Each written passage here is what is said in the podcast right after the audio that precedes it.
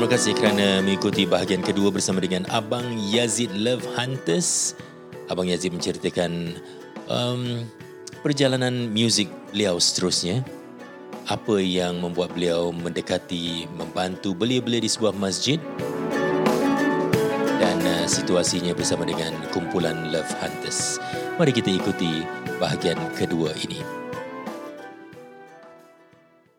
Bang, saya teringat satu Ya, saya- masa saya jumpa abang dekat Masjid Arabita. Allah. Okey. Ya, ya, ya. Waktu tu saya memang dah lama tak jumpa abang. Ha, ha. Sekali saya jumpa abang, uh, kalau tak silap saya dengan Ustaz Nuzhan. Nusan. Betul, ya. eh? Saya. Waktu tu Ustaz kata dengan saya, abang banyak bantu mereka dan mendekati belia bang. Belia-belia yang kat sana lah. Ya, ya. Ceritakan sikit bang, apa sebenarnya sumbangan abang kepada masjid tu? Tak, saya tak tahulah. Mula-mula saya jumpa and uh, lepas tu dia kata Abang Yazid kita duduk sini lah dan kenalkan kenalkan kenalkan kenal saya ada syarahan syarahan syarahan dia sudah ikut saya pergi jadi sebenarnya orang yang tak pernah datang pun jadi datang kerana saya ada sana jadi sambil tu saya buat berkawan. Saya berbual berbual ajak hmm. berkawan. Wa- ada satu a young boy uh, orang bujang ni umur baru 20 tahun. Dia oh, turun nak jumpa saya dan duduk dekat masjid dengan saya. Oh, Ha, jadi sampai uh, kata orang tu orang nak jadikan saya dalam komuniti semua. Bukan tak boleh. Saya memang nak benda tu. Cuma um, saya nak kena tukar lah pasal saya pernah masuk uh, program. Bukan program lah saya belajar. Muazim hmm. Oh muazzin eh. Okay.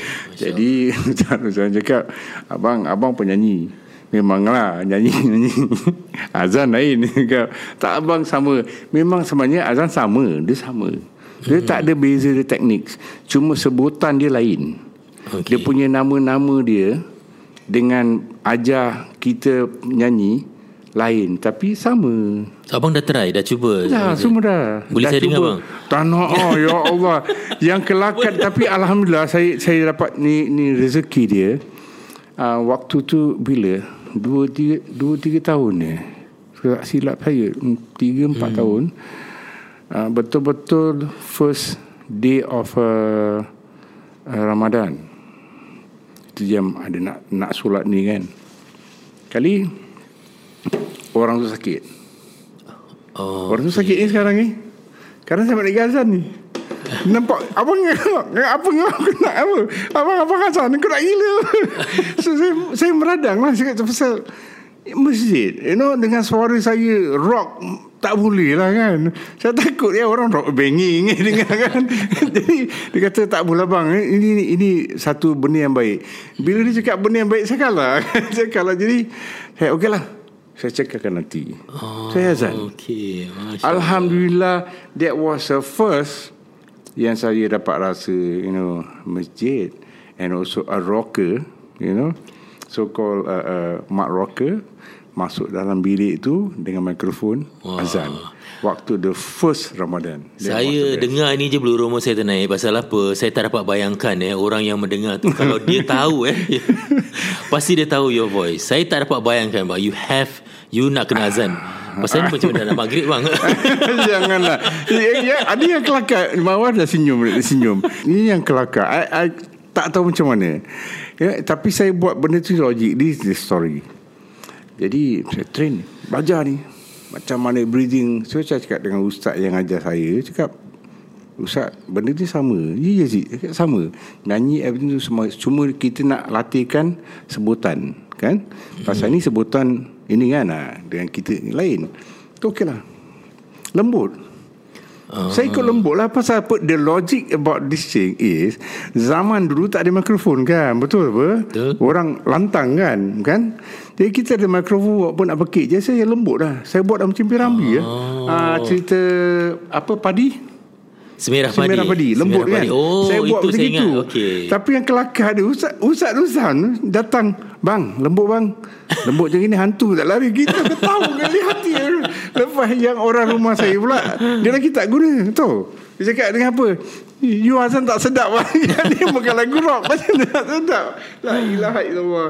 But I love. Actually sebenarnya saya suka azan Kalau azan seperti semerah padi tu saya ingat lah Dia mendayu-dayu. Dia tidak Ha. macam Apa tu Lontaran suara yang kuat eh? Ha. Ah, okay, Okay. Jadi memang saya Suara saya kuat Saya tak nak. Saya nak, nak Pasal untuk saya Saya Dia ada dua niat. Dua atau tiga niat Saya tak, tak ingat. Tapi untuk saya Dia ada dua niat. Satu niat Azan awak untuk apa? Yang kedua Untuk apa? Ha, Itu hmm. yang paling membahaya. Zaman, Jangan sama kita Lari ke lain. Ha, Itu dia orang cakap. Ya, Okey lah. Okay, okay. Besar. Cuma Selalunya tempat rumah lah. Kalau saya Saya suka solat Saya azan Ha. Pak Luang malu lah Malu Saya pun malu ni. Jadi Tak mula jangan tu No No no no no no Okey. Okey. Uh, satu soalan tentang masjid ni. Aha. Uh, saya melihat anda abang banyak dekati masjid sebenarnya.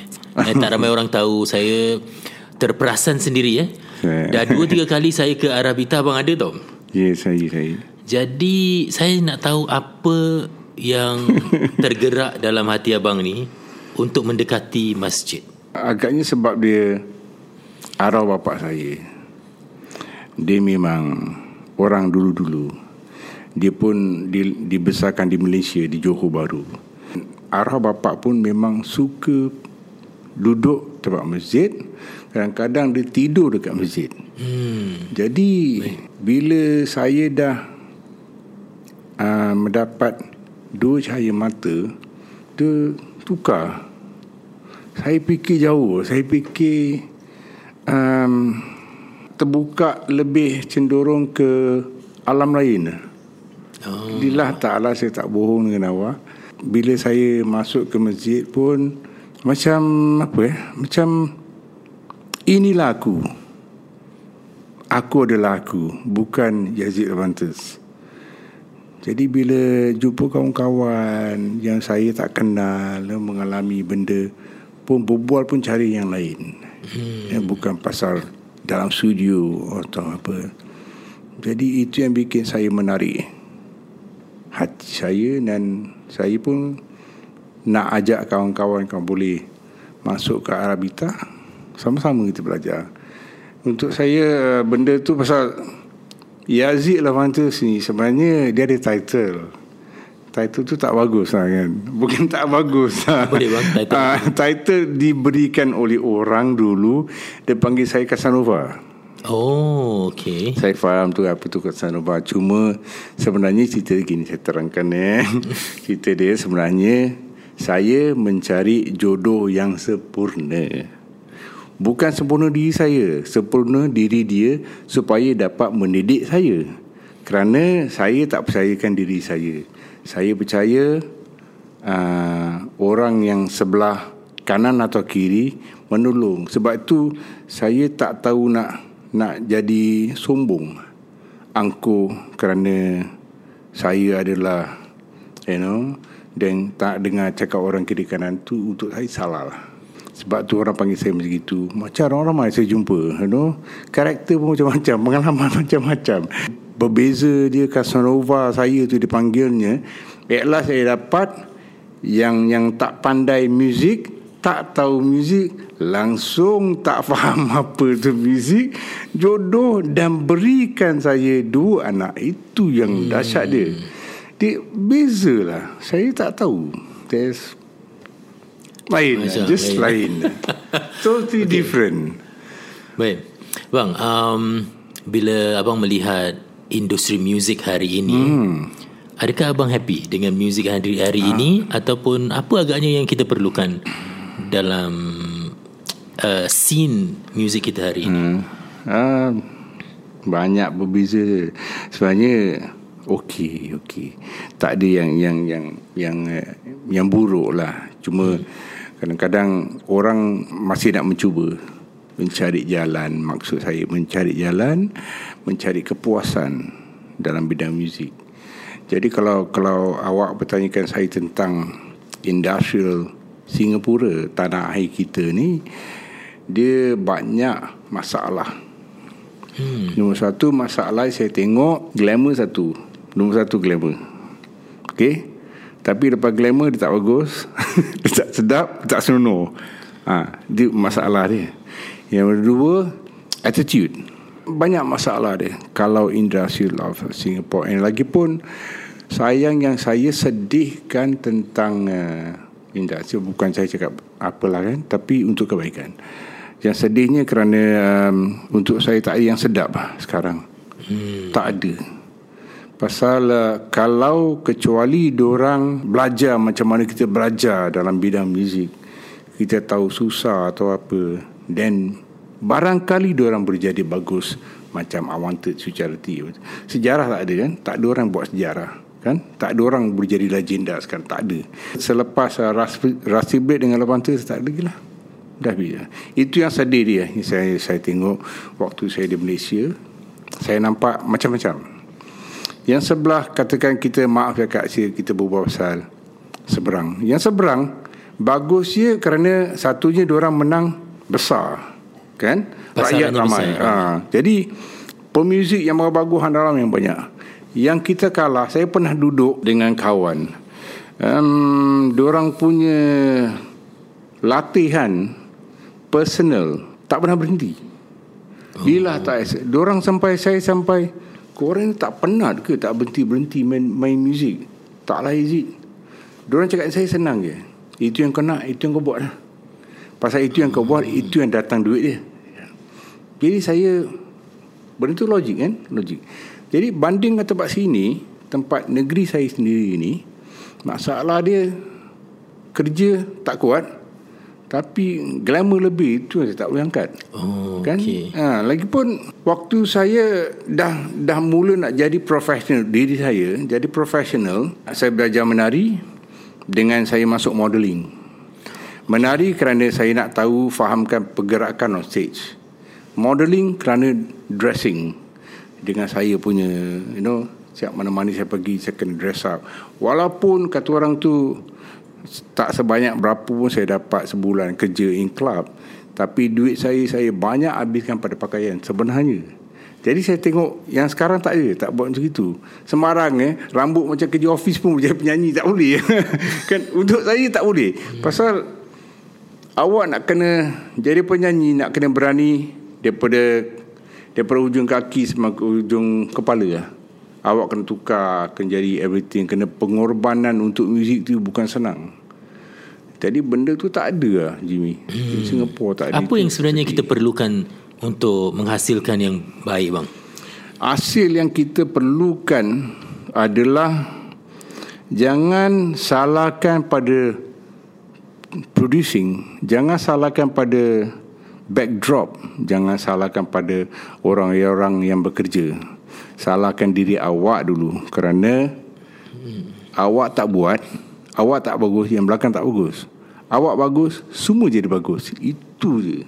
Jawapan dia is hmm. awak jadi bagus semua orang jadi bagus. Dia sama dengan drum.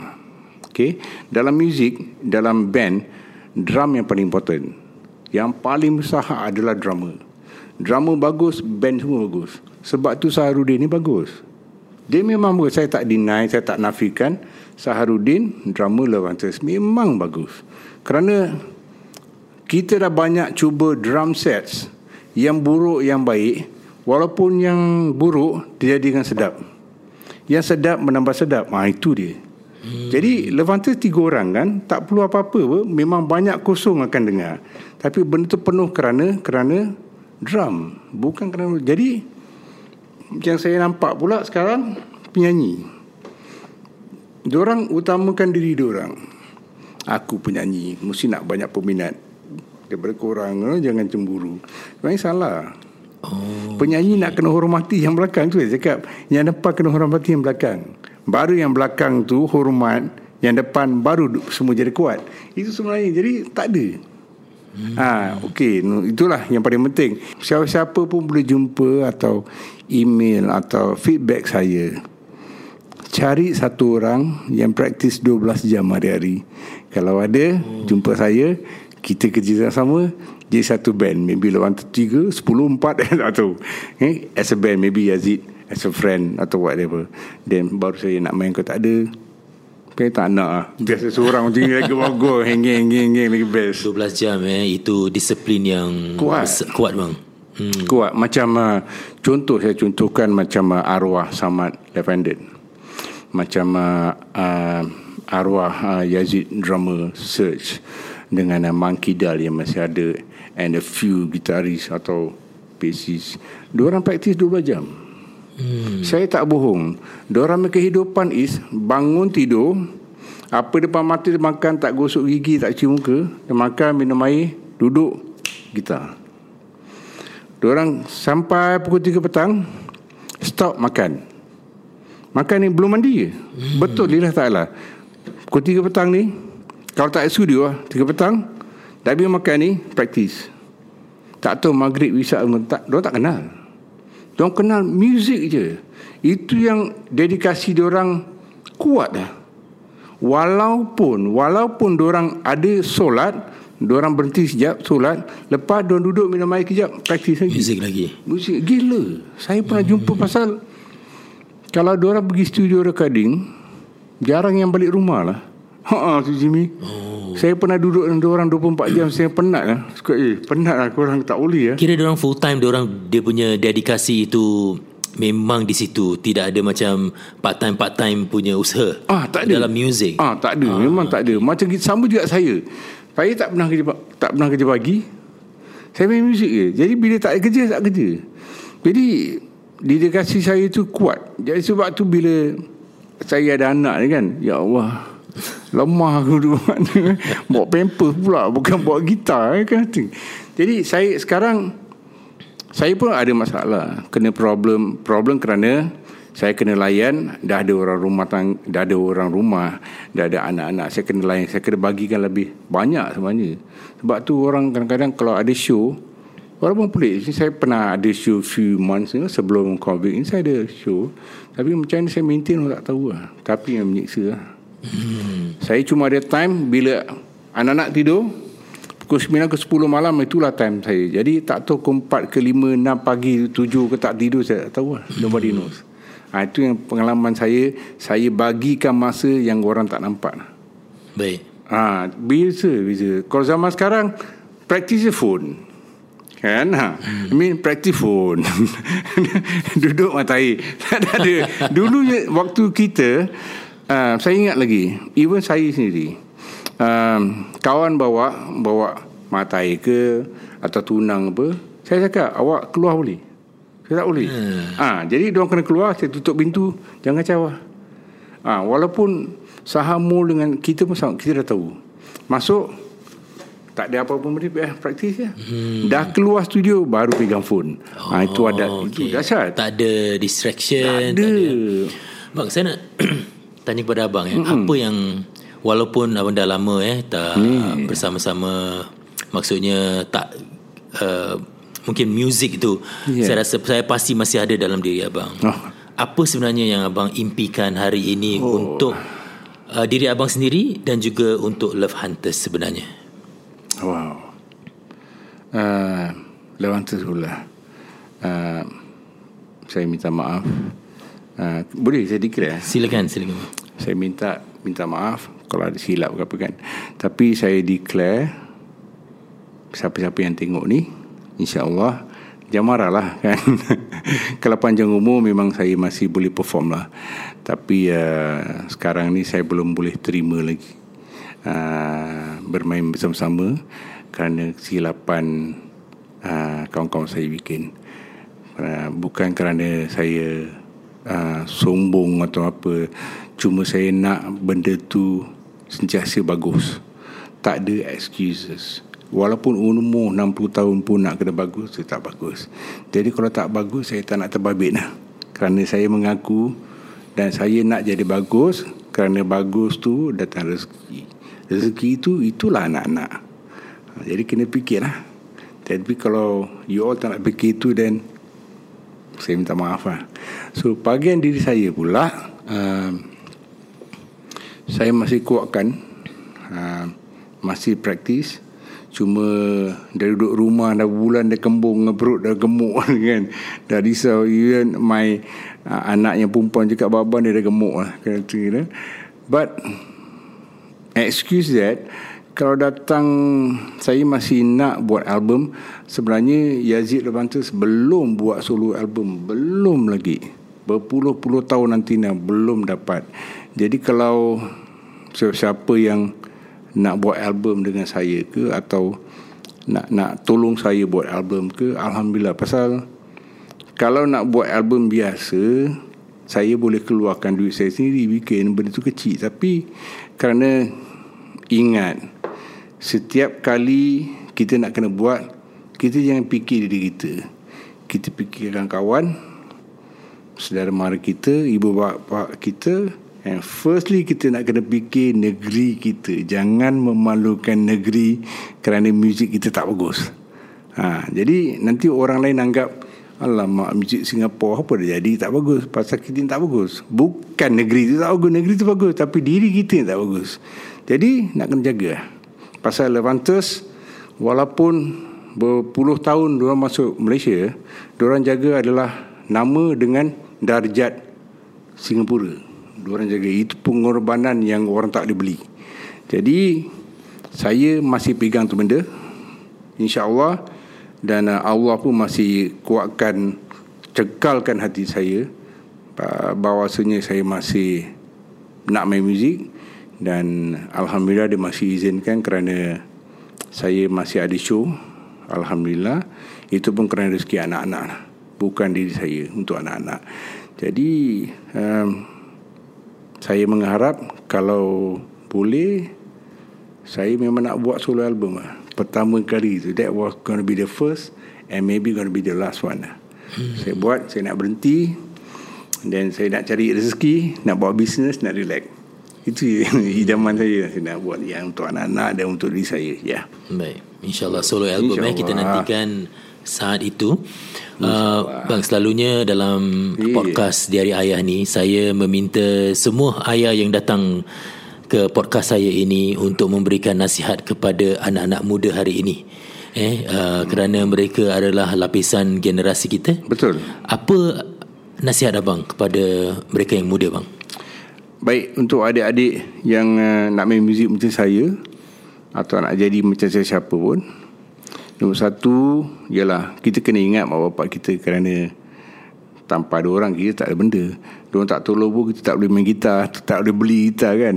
Tapi bila dapat gitar Jangan nyombong. Kena praktis bagus-bagus So Praktis kuat. Ingat siapa diri awak sebenarnya.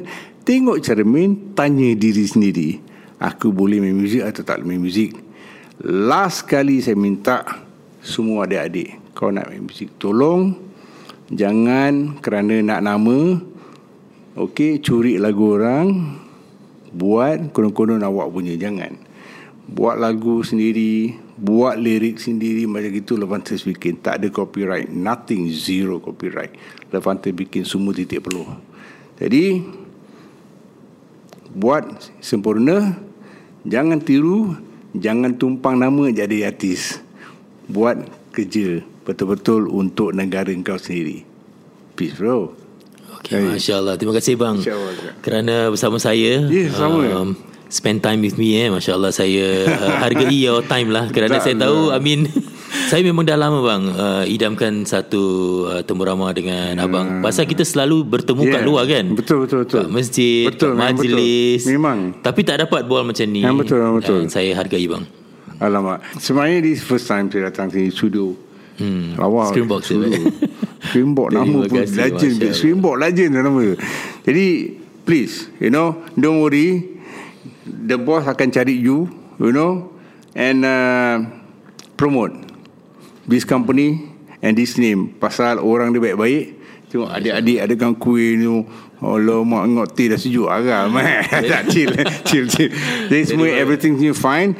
And uh, please, okay, download, subscribe ini uh, ini uh, channel in YouTube. So don't forget subscribe. Kan get out this year. Right. Terima kasih bang. Ini satu penghargaan bagi saya bang. Terima kasih banyak Sama. kepada anda yang sudah mendengar dan menonton. Inilah dari ayah Yazid Love Hunters. Jangan lupa like and share. InsyaAllah kita jumpa lagi. Assalamualaikum.